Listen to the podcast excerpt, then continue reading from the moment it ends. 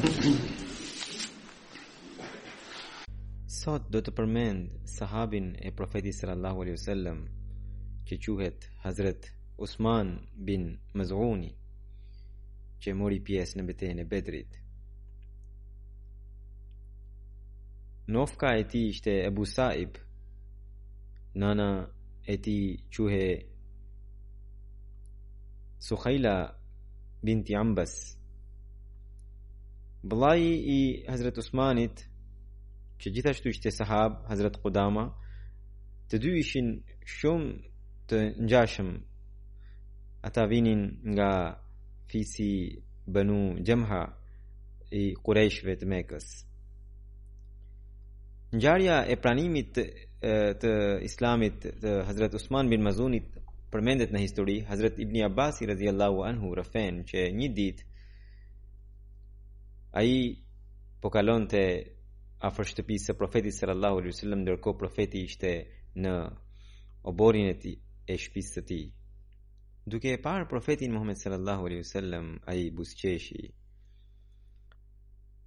i dërguri i Allahut sallallahu alaihi wasallam tha a nuk do ulesh ai tha pse jo ky qe u kthye dhe erdhi dhe u ul përpara profetit teksa profeti sallallahu alaihi wasallam po bisedonte me të papritmas i dër profeti ngriti shikimin dhe filloi të shikonte drejt qiellit më pas ngadalë ngadalë e uli shikimin gjersa filloi të shikonte tokën, por në anën e tij të djathtë. Dhe kështu për disa çaste nuk ishte në komunikim të drejtpërdrejtë me Usmanin dhe e uli kokën. Profeti Muhammed sallallahu alaihi wasallam gjatë kësaj kohe edhe tundte kokën që të linte përshtypje sikur thoshte se po po e kuptoj. Hazret Usmani i shikonte i habitur. Pas pak, kur i dërguri i Allahut sallallahu alaihi wasallam nuk bënte më këto gjeste. Pra, kur u lirua nga ky angazhim i tij që dukej një angazhim shpirtëror dhe profeti sallallahu alaihi wasallam gjithçka që i thuhej Hazreti Usmani natyrisht nuk e dinte, por Hazreti Usmani e kuptonte që sikur profeti sallallahu alaihi wasallam pohonte dhe thoshte se po po e kuptoj, kuptoj. Përsëri profeti sallallahu alaihi wasallam e ngriti shikimin drejt qiellit dhe e ndoqi diçka të caktuar dhe derisa ajo gjë u zhduk. Pas kësaj, profeti sallallahu alaihi wasallam përsëri iu drejtua Hazret Usmanit bin Mazunit. Hazret Usmani i tha, unë për çfarë kam ardhur tek ju edhe për çfarë jam ulur këtu? Këtë që keni bërë sot, kurrë nuk të kam parë më përpara. I dërguri i Allahut sallallahu alaihi wasallam tha, Më ke parë mua? Çfarë ke parë? Çfarë isha duke bërë? Hazret Usman bin Mazuni tha që unë kam parë që ti ngrite shikimin drejt qiellit, pastaj u përqendrove në krahun e djathtë tëndin. Dhe më lek, më ke lënë mua dhe u more me një punë tjetër. Dhe pastaj po e tundje kokën sikur po thoshe dikujt që po po e kuptoje. Profeti pyeti me të vërtetë E ke parë këtë gjë? Usman bin Mazuni tha po. I dërguari i Allahut sallallahu alaihi wasallam tha Sapo më kishte ardhur i dërguari i Zotit i cili më solli një mesazh dhe ti ishe përpara meje. Usman bin Mazuni tha i dërguari i Allahut po tha i dërguari profeti sallallahu alaihi wasallam. Çfarë të tha i dërguari i Allahut?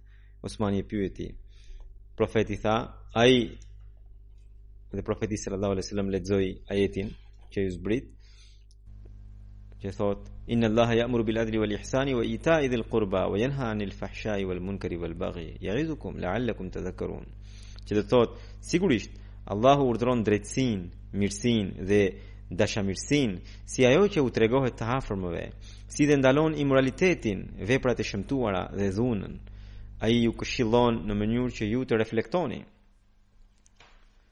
Hazret Usman bin Mazuni thotë që ishte ky moment kur m'u gdhend në zemër dashuria për profetin Muhammed sallallahu alaihi wasallam dhe besimi për islamin.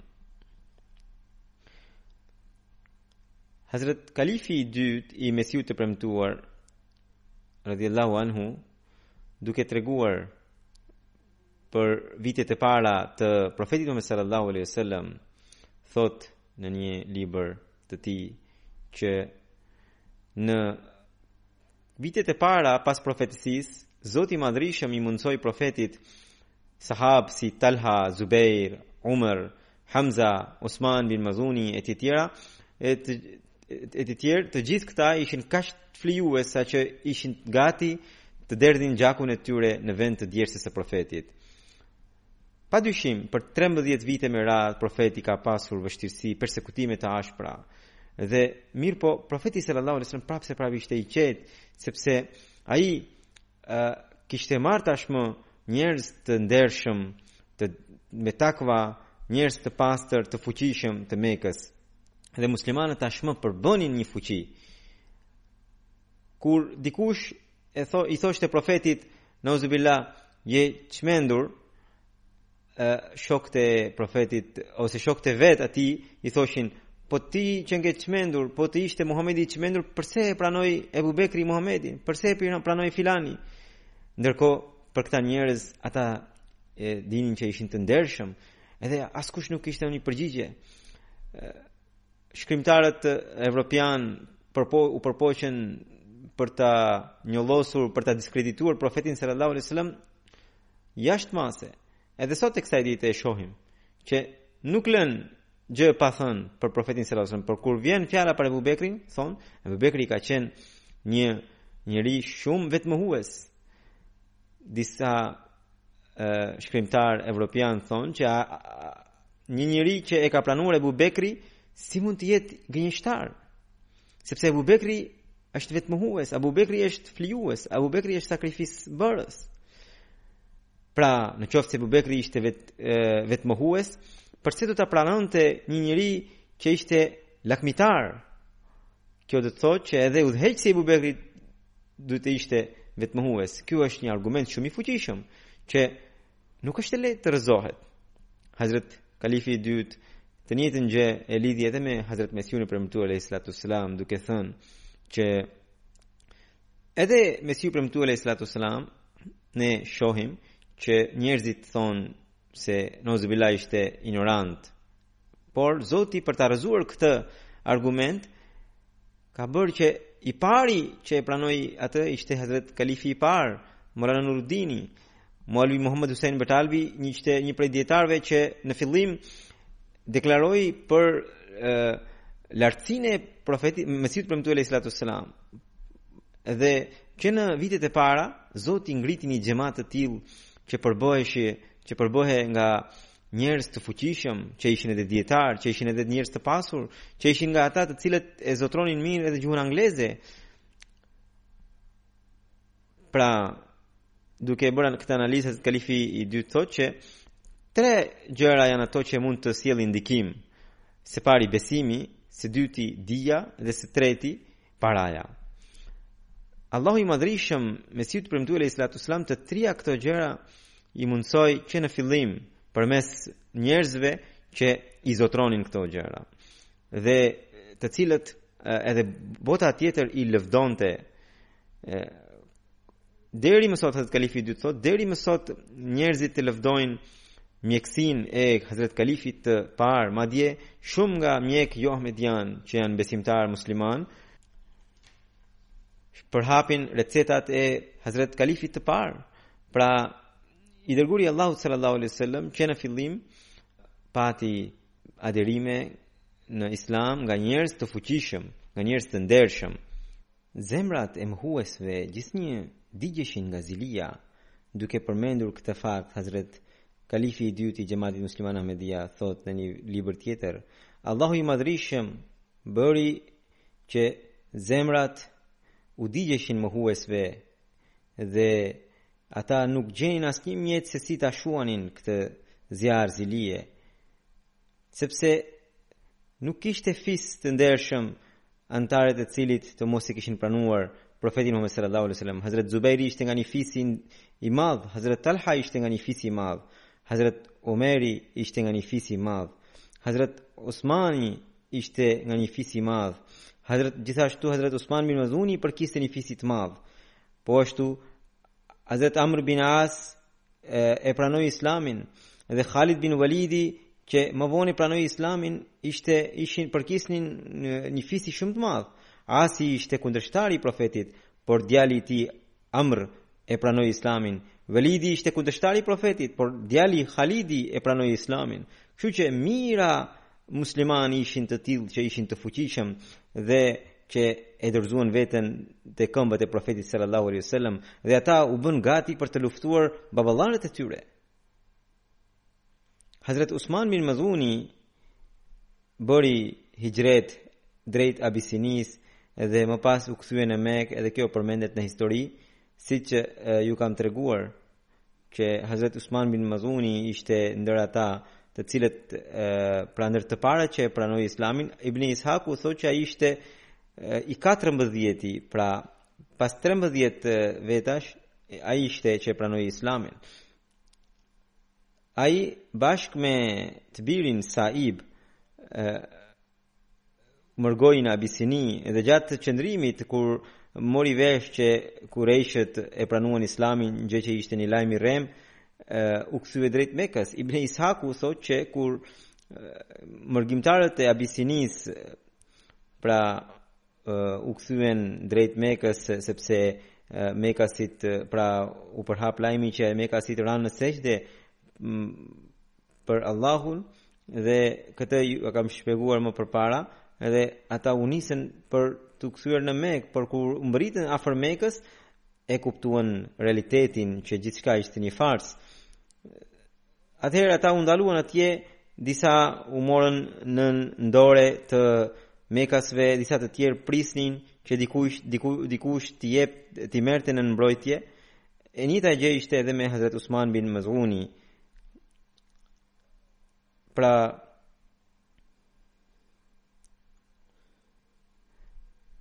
disa njerëz qëndruan jashtë Mekës derisa secili prej tyre u mor në ndore, ndore, domethënë, nën mbrojtje, sipas zakonit të tyre, dhe atëherë ata hynë në Mekë.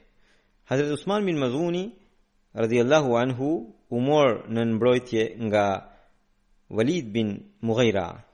Ibn Ishaku thotë që kur Hazrat Usmani pa që i dërguri i Allahut sallallahu alaihi wasallam dhe sahabët e tij po sfiliteshin, persekutoheshin, njerëzit i rrifnin dhe u bonin mizori pa pushim, dhe ndërkohë ai ishte nën mbrojtje të Walid bin Mughiras, Natë e ditë i, i, i rrinte i qetë në shtëpinë e tij. Kjo ë nuk u pëlqy, këtë nuk e pëlqeu. Dhe sedra e tij nuk e lejoi që ai të rrinte kështu dhe tha, "Pasha Zotin, un po jetoj natë e ditë në paqe, kurse njerëzit e mi dhe profeti sallallahu alaihi wasallam po persekutohet në rrugën e Allahut." Dhe kjo tregon që padyshim un kam ndonjë dobësi. Këto ishin fjalët e Hezret Usmanit, kështu që ai shkoi tek Walid bin Mughira, Walidi ishte një kundërshtar i Profetit dhe tha: "O Abdush Abu Abdushams, kjo ishte nofka e Walidit, ti e ke kryer detyrën. Un dua un isha nën ndoren tënde dhe tani dëshiroj që të dal nga mbrojtja jote dhe të shkoj tek i dërguri i Allahut sallallahu alaihi wasallam, sepse për mua ai dhe sahabët e tij janë model." Edhe unë ata do dua dua t'i ndjek. Velidi tha, "O nipi im, Velidi ishte ishte shok i ngushtë i babait të tij dhe kështu që tha, "O nipi im, ndoshta ti ke pasur ndonjë problem nga ana ime, mos vallë që u poshtrove ose pate ndonjë vështirësi nën duke qëndruar nën mbrojtjen time?" Ai tha se jo, kurrsesi. Unë dëshiroj të hyj tashmë nën mbrojtjen e Allahut. Edhe dua të dal nga mbrojtja jote. Atëherë Velidi i tha që unë ti duhet të vijsh me mua në Qabe edhe aty duhet të shpallësh që po del nga mbrojtja ime, ashtu siç unë ta kisha dhënë mbrojtjen para njerëzve. Hazret Usmani i tha, po, të dy shkuan në Khane Kaba, Velidi tha, ky është Usmani, deri tani ishte nën ndoren time, Dhe tani po del. Usmani tha se po, ky thot të vërtetën dhe ky këtë e kam gjetur përmbushës të premtimit dhe tani un nuk dëshiroj të jem më në mbroj, në mbrojtjen e askujt tjetër përveç Allahut. Dhe prandaj po ia dorëzoj përsëri ndoren ose mbrojtjen Velidit. Pastaj Hazrat Usmani u kthye. Për hijretin në Abisini, ju kam treguar edhe më përpara në lidhje me sahabët e tjerë. Megjithatë shkurtimisht, këtu do të përmend edhe njëherë atë që ka shkruar Hazrat Mirza Bashir Ahmed Sahibi, Ai thotë që kur sfilitjet e mekasve arritën kulmin dhe kurejshët i persekutonin ashpër muslimanët, atëherë profeti sallallahu alaihi wasallam i porositi muslimanët që të mërgonin drejt Abisinisë, pasi mbreti i saj ishte i drejtë dhe e, i mirë. dhe nuk u bën mizori njerëzve të tjerë. Abisinia që gjithashtu quhet Etiopia ose Habsha gjendet në kontinentin afrikan në verilindje dhe është ballë për ballë pjesës së jugut të Arabisë. Dhe mes tyre nda ndan Deti i Kuq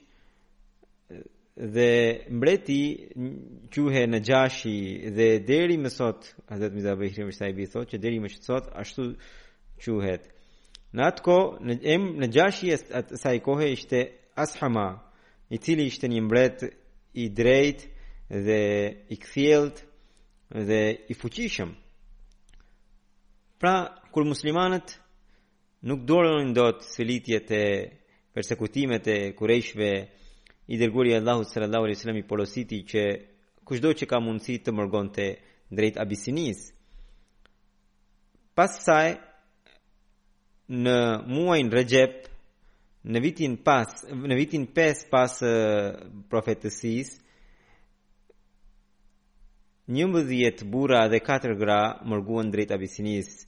Më të famshmit prej tyre ishin Hazret Usman bin Affan dhe bashkëshortja e tij Ruqaija, pra e bija e Profetit sallallahu alaihi wasallam, Abdurrahman bin Aufi, Zubejr bin al-Awwami, Abu Hudhejfa bin Utba, Uthman bin Mad'uni, Mus'ab bin Umejri, Abu Selma bin Abdil Asad dhe bashkëshortja e tij Ummi Selma. Dhe Mirza Bashir Ahmed Sahibi vijon që është e çuditshme që ndër mërgimtarët e parë shumica ishin ata të cilët u përkisnin fiseve të fuqishme kurejshëve dhe pak ishin ata që ishin të dobët. Kjo tregon dy gjëra. Së pari, edhe njerëzit e fuqishëm që e pranuan Islamin nuk ishin të lirë nga persekutimet e kurejshëve. Dhe së dyti, njerëzit e dobët siç ishin skllevër dhe të tjerë nuk kishin mundësi as të mërgonin në Abisini. Hazret Kalifi i dytë radhiyallahu anhu e tregoi këtë ngjarje në mënyrën e vet dhe jo vetëm këtë por edhe atë të Osman bin Mezunit se si ai hyn në ndore të Velid bin Mughairas dhe pastaj del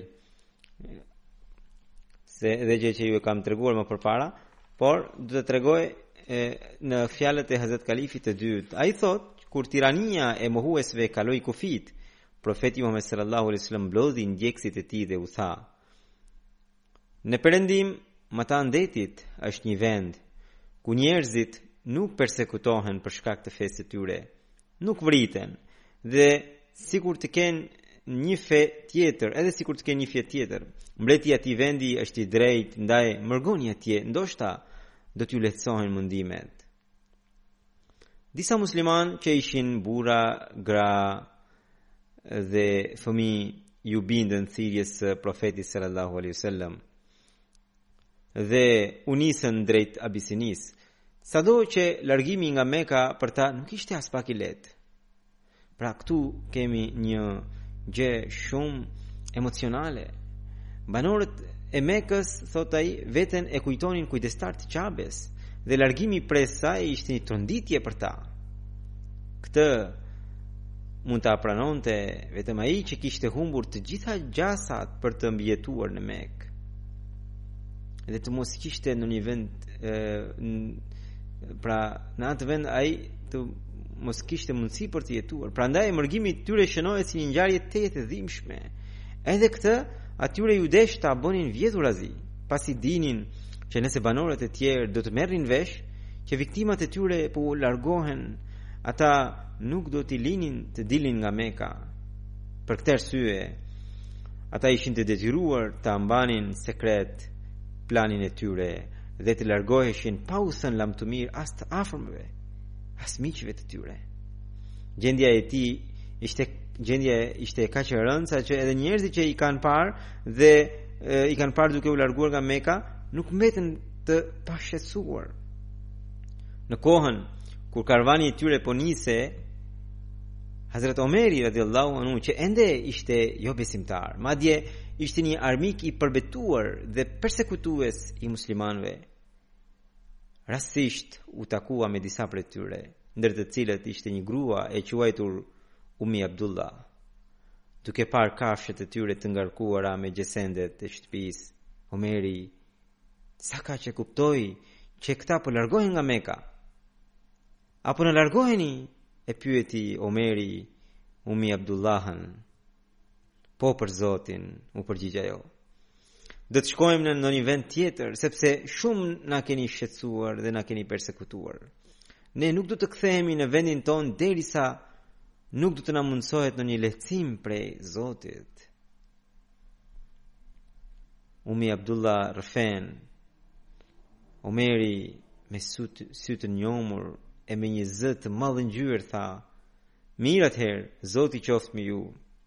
Pastaj ktheu kokën menjëherë dhe më la përshtypje se edhe ai u trishtua tej mase nga kjo ngjarje.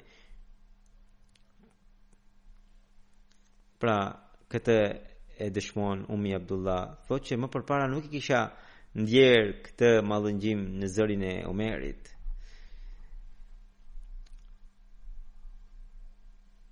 Kur banorët e Mekës e morën vesh mërgimin e bashkatdhetarëve, ata i ndoqën deri në bregdet Por nuk i kapën dot, sepse karvani i tyre tashmë ishte nisur në drejtim të Abisinisë. Mekasit vendosën të dërgojnë një delegacion te mbreti i Abisinisë për ta ngërmuar atë kundër muslimanëve dhe për t'ia mbushur mendjen që ai t'ia dorëzonte muslimanët mekasve dhe gjithashtu t'i ndëshkoj t'i ndëshkonte ata për shkeljen që kanë bërë duke u ikur dënimeve të shpallura kundër tyre nga krerët e Mekës. Në delegacionin mori pjesë edhe Amr bin al-As, i cili më vonë do të bëhej musliman. Madje nën komandën e tij do të fitohej Egjipti. Pra, të dyja palët, edhe muslimanët, edhe e, Amr bin Ilasi, i treguan mbretit që cila është e vërteta sipas tyre, mbreti e, u bind nga deklaratat e muslimanëve dhe e, vendosi që të mos i kthente muslimanët dhe Më pas ata përhapën lajmin që mekasit u bënë muslimanë dhe në atë kohë vetëm nga kjo mënyrë ata muslimanë që ishin mërguar u vendosën të ktheheshin, por shumë shpejt e kuptuan që lajmi ishte i rremë. Disa u kthyen përsëri në Abisini e disa të tjerë qëndruan në Mekë në ndoren e ndonjë prej krerëve të Mekës. Njëri prej tyre ishte pikërisht uh, Osman bin Mazuni, ndër ata që qëndruan, djali i një pasaniku të shquar të Mekës, Velid bin Mughira, një mik i babait të tij e mori në strehë Osmanin, ku ai do të jetonte i qetë. Por gjatë kësaj kohe, ai pa që disa muslimanë të tjerë persekutoheshin dhe u bëheshin mizori të ashpra. Osmani ishte një djalë me sedër, Ai shkoi tek Velidi dhe e njoftoi se po hiqte dorë nga ndorja e tij, ngaqë nuk mund të duronte të jetonte në paqe derisa muslimanët e tjerë të keqtrajtoheshin. Kështu që Velidi e dha lajmin që Osmani nuk ishte më në strehën e tij. Pas kësaj ngjarje, një ditë Poeti i fammadh arab, Lebidi, ishte i pranishëm te krerët e Mekës dhe po u lexonte vargjet e tij. Kur ai recitoi vargun, Wa kullu na'imun, wa kullu na'imin la mahalata za'ilun, domethënë çdo bekim do të zhduket përfundimisht, Osmani e ndërpreu duke thënë, Jo, bekimet e xhenetit janë të përhershme. Pra, edhe ai e ndërpreu me një varg tjetër që ishte në, në të njëjtën rimë. Lebidi ishte një njeri i shquar, i zemëruar nga këto fjalë, iu drejtua krerëve të Mekës, o Kurejsh, miku juaj nuk poshtërohej më përpara në këtë mënyrë. Çfarë është kjo risi? Dikush iu përgjigj, Mos ia vër veshin, ai është një budalla. Por Osmani e përsëriti qëndrimin e tij dhe tha që ky nuk është budallallëk, por e vërtetë. Një njeri u ngrit dhe duke i rënë me grusht Osmanit, i dëmtoi njërin sy. Edhe Velidi ishte i pranishëm në atë mbledhje. Babanë e Osmanit e kishte mik të ngushtë dhe nuk mundi ta duronte gjendjen e rëndë të djalit të shokut të ndjerë. Osmani nuk ishte më nën strehimin e tij dhe për këtë arsye, sipas zakoneve të Mekës, ai nuk mund ta mbronte aspak. Sa i zemëruar, aq edhe i trishtuar iu drejtua Osmanit, o djali i vëllait tim, Syri yt do të shpëtonte për Zotin, nëse do të vazhdoje të ishe në strehimin tim të fuqishëm, por ti vetë e pësove këtë dëm duke dalë nga mbrojtja ime. Mos vajto për fatin e syrit tim i ktheu Osmani. Unë vetë e dëshiroja këtë, madje edhe syri im tjetër që është i shëndoshë, po qan se përse nuk i ndodhi e njëjta gjë edhe atij. Mua më mjafton modeli i profetit Muhammed sallallahu alaihi wasallam, nëse ai heq, nëse ai heq vështirësi, pse unë jo? Mua më mjafton mbrojtja e Zotit, tha Osmani Velidit.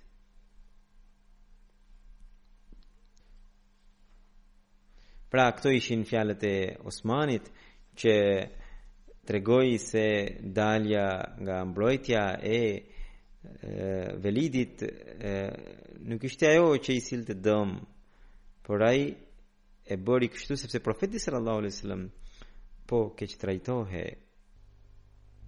Kjo ngjarje e Osman bin Maz'unit dhe poetit Lebid bin Rebia përmendet në libra të ndryshëm të historisë së Islamit.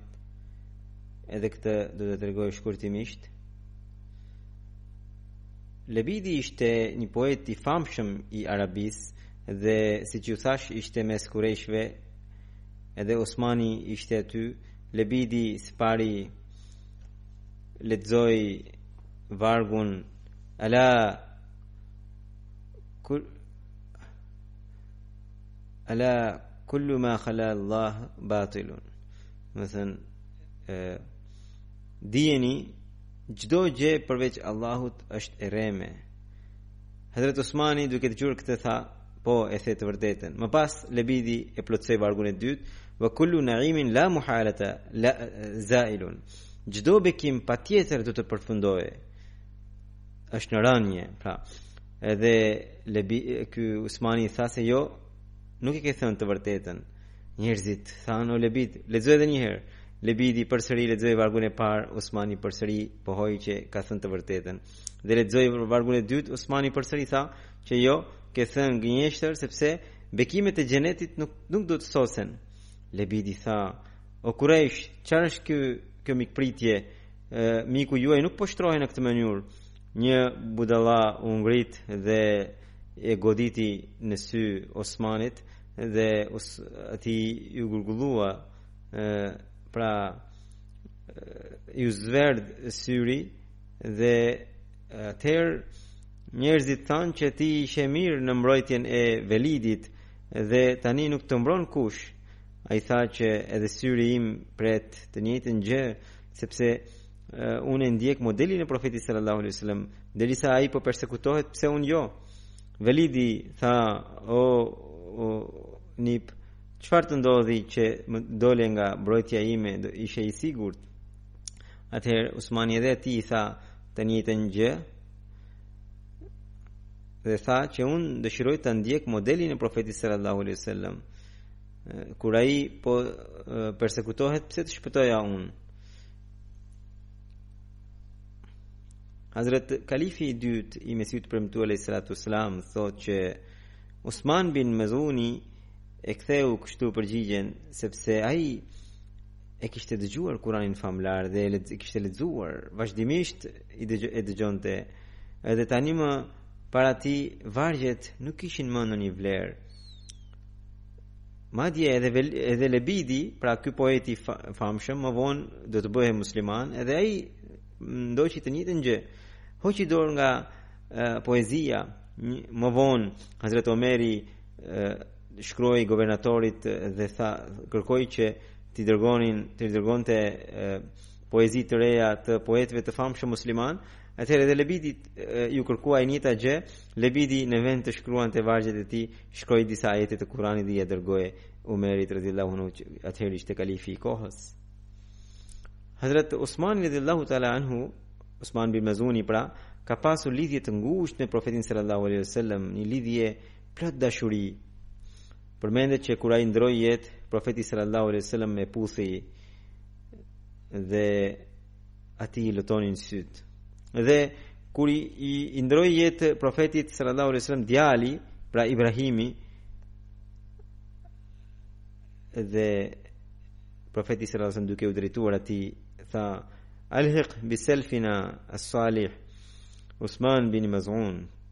domethënë, shko dhe bashkohu me të parët tanë të dëlirë Usman bin Mazunin.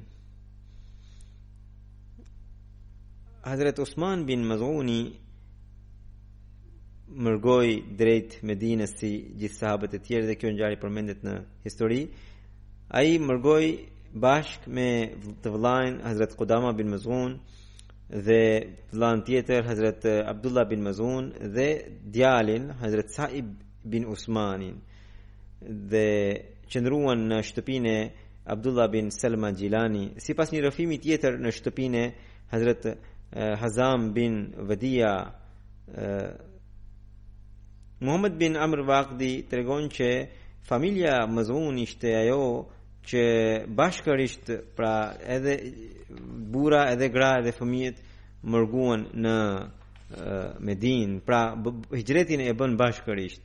Hazret Umi Ala tregon që kur i dërguari i Allahut sallallahu alaihi wasallam erdhi, atëherë ensarët donin që ai të qëndronte tek shtëpia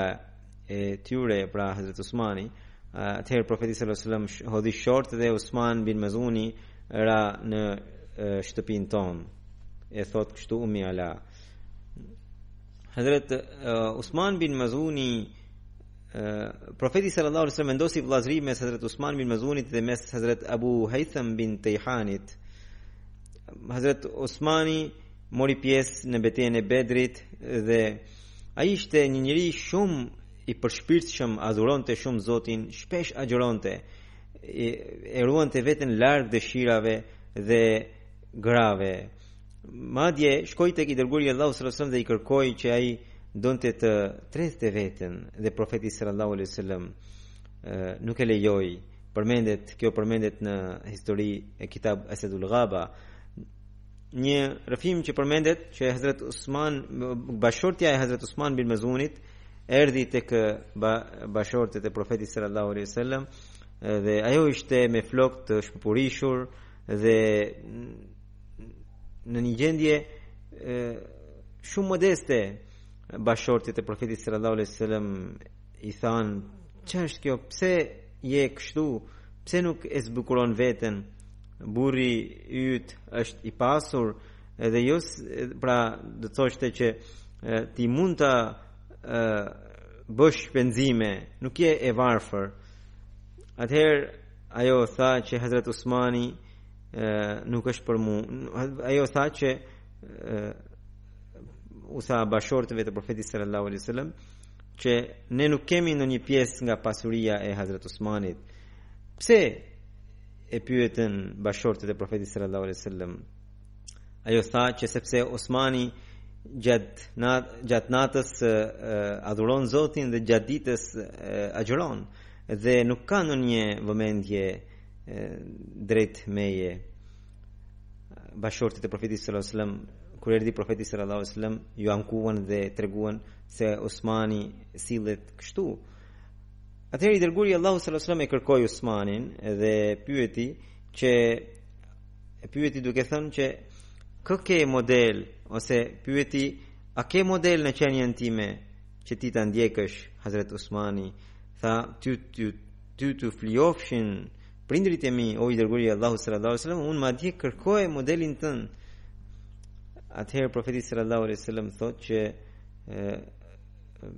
pse nuk e ndjek modelin tim ti duhet të agjërosh por edhe duhet të heqësh dorë nga agjërimi ti mund të adhurosh Zotin gjatë natës por edhe duhet të flesh dhe më pas tha edhe sytë e tu kanë të drejtën ndaj teje. Edhe trupi yt ka të drejtën e vet, edhe familja jote ka të drejtën e vet, edhe bashkëshortja jote ka të drejtën e vet ndaj teje. Edhe fëmijët e tu kanë të drejtën e tyre e, për ndaj teje. Dhe prandaj edhe falu, edhe e, fli, edhe agjëro, por edhe disa ditë pusho.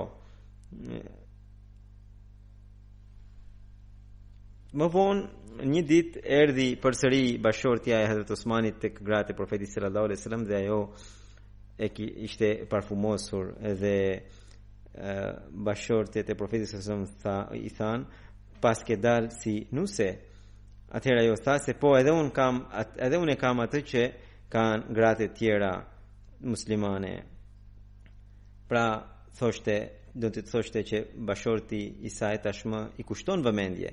Hazrat Aisha radhiyallahu anha rrëfen që i dërguari i Allahut sallallahu alaihi wasallam e thirri Usman bin Mazunin, pra në një rrëfim tjetër, dhe tha që ti duhet të ndjekësh rrugën time dhe ai ai Usmani tha se o i dërguari i Allahut un rrugën tënde e kërkoj. I dërguari i Allahut sallallahu alaihi wasallam tha që atëherë un flej un unë edhe fle edhe falem, unë edhe agjëroj edhe nuk agjëroj. Unë edhe martohem me me me gra dhe e, në tha o Usman ki frik ndaj Allahut, sepse edhe gruaja jote ka të drejtën e saj dhe edhe miku që vjen në shtëpi e ka të drejtën e vet.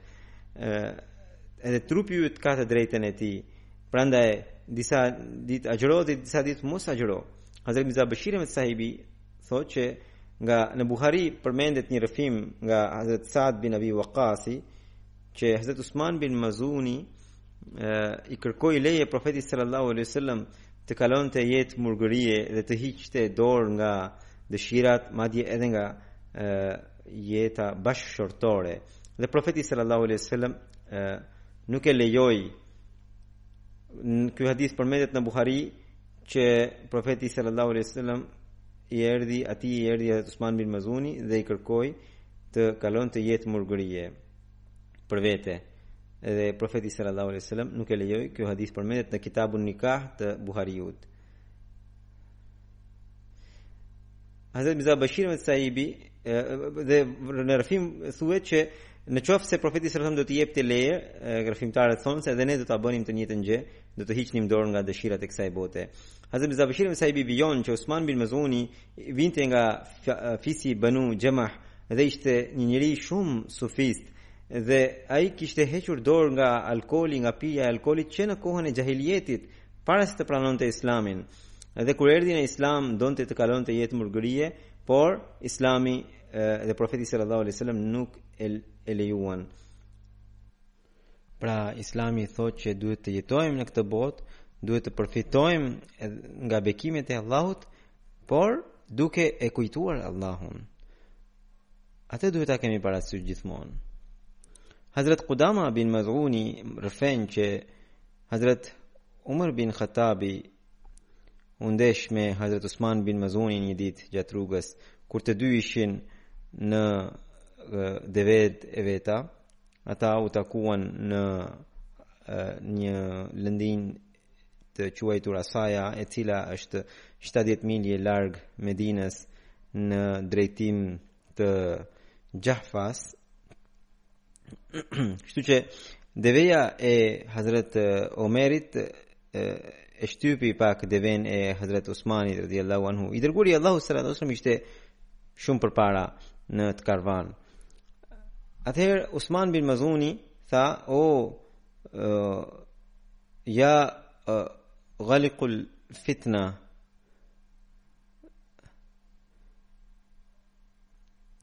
ti më, më ke shqetësuar.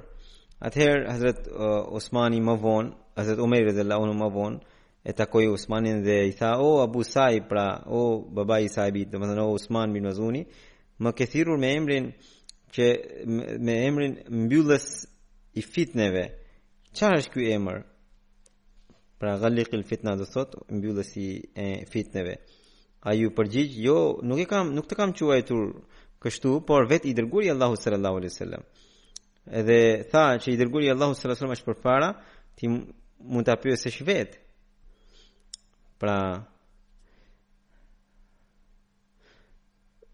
Kjo ngjarje përmendet edhe gjerësisht që Hazret Omeri radhiyallahu anhu kaloi përpara nesh kur ne ishim bashkë me profetin sallallahu alaihi wasallam thotë rrëfimtari atëherë i dërguari i Allahut sallallahu alaihi wasallam tha që ky njeri është pengesë mes islamit dhe mes fitneve dhe dhe tha që mes këtij dhe fitneve qëndron një derë që do të jetë e mbyllur gjersa të jetë gjallë ky njeri. Dhe ajo fitne nuk do të hyjë në Islam në të gjallë të këtij njeriu. Edhe pikërisht dësh, historia dëshmon këtë gjë.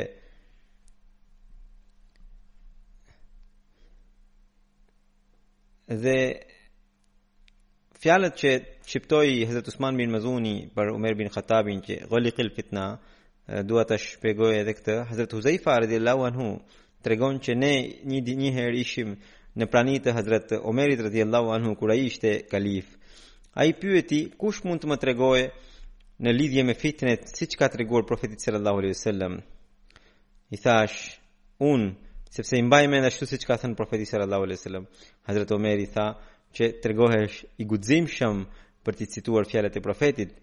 Uh, I thashë po, unë i mbaj mend fjalë për fjalë. Atëherë na thuaj, më tha Hazrat uh, Omeri, Thashë, Njeriun e sprovon gruaja e tij, pasuria e tij, fëmijët e tij dhe fqinji i tij. Edhe këtë sprovë ai mund ta evitojë përmes namazit, përmes sadakasë, përmes veprave të mira, përmes urdhërimit të mirave dhe ndalimit të të këqijave. Omeri tha që nuk e kam fjalën për këtë fitne që e largon përmes këtyre gjërave, por e kam fjalën për fitnen që do të dallgëzojë siç dallgëzon deti dhe që do të përfshijë umetin. Atëherë Hazrat Huzaifa tha që o Emirul Mumin, o udhëheqës i besimtarve, ju jeni shpët, e, je i shpëtuar nga kjo fitne, sepse mes këti, kësaj fitne dhe islamit qëndron një derë, që do të mbetet derisa të jesh i gjallë. Umeri më pyeti, ajo derë a do të thyhet apo do të hapet? Atëherë Thash, i dërguari i Allahut sallallahu alaihi wasallam tha se jo, ajo der do të thyhet. Atëherë Hazrat Osman, Hazrat Umar radiallahu anhu tha, në qoftë se do të thyhet, atëherë do të vështirë se të mbyllet prap. Pra, sepse në qoftë se do të hapej, do të kishte mundësi që ajo der do të mbyllej sërish, por në sëft, në sëft, në qoftë se do të rrëzohet, do të thyhet, atëherë kush do ta mbyll atë edhe një herë?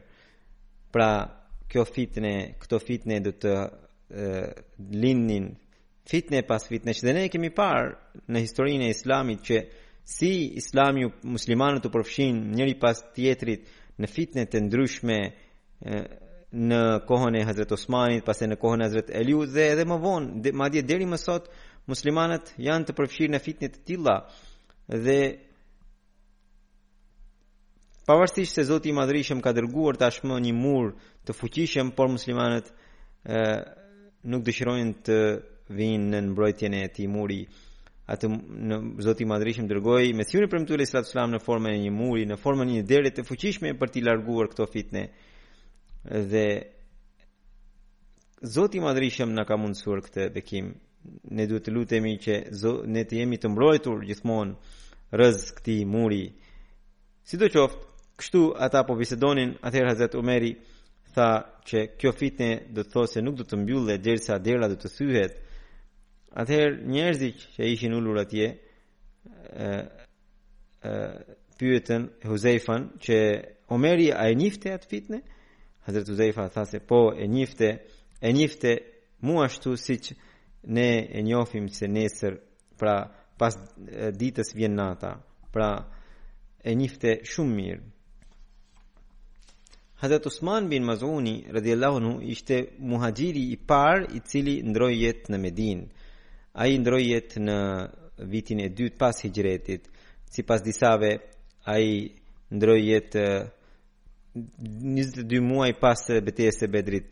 Dhe ai gjithashtu ishte i pari që do të varrosej në Xhenetul Baqi, pra në varrezën e Xhenetlive.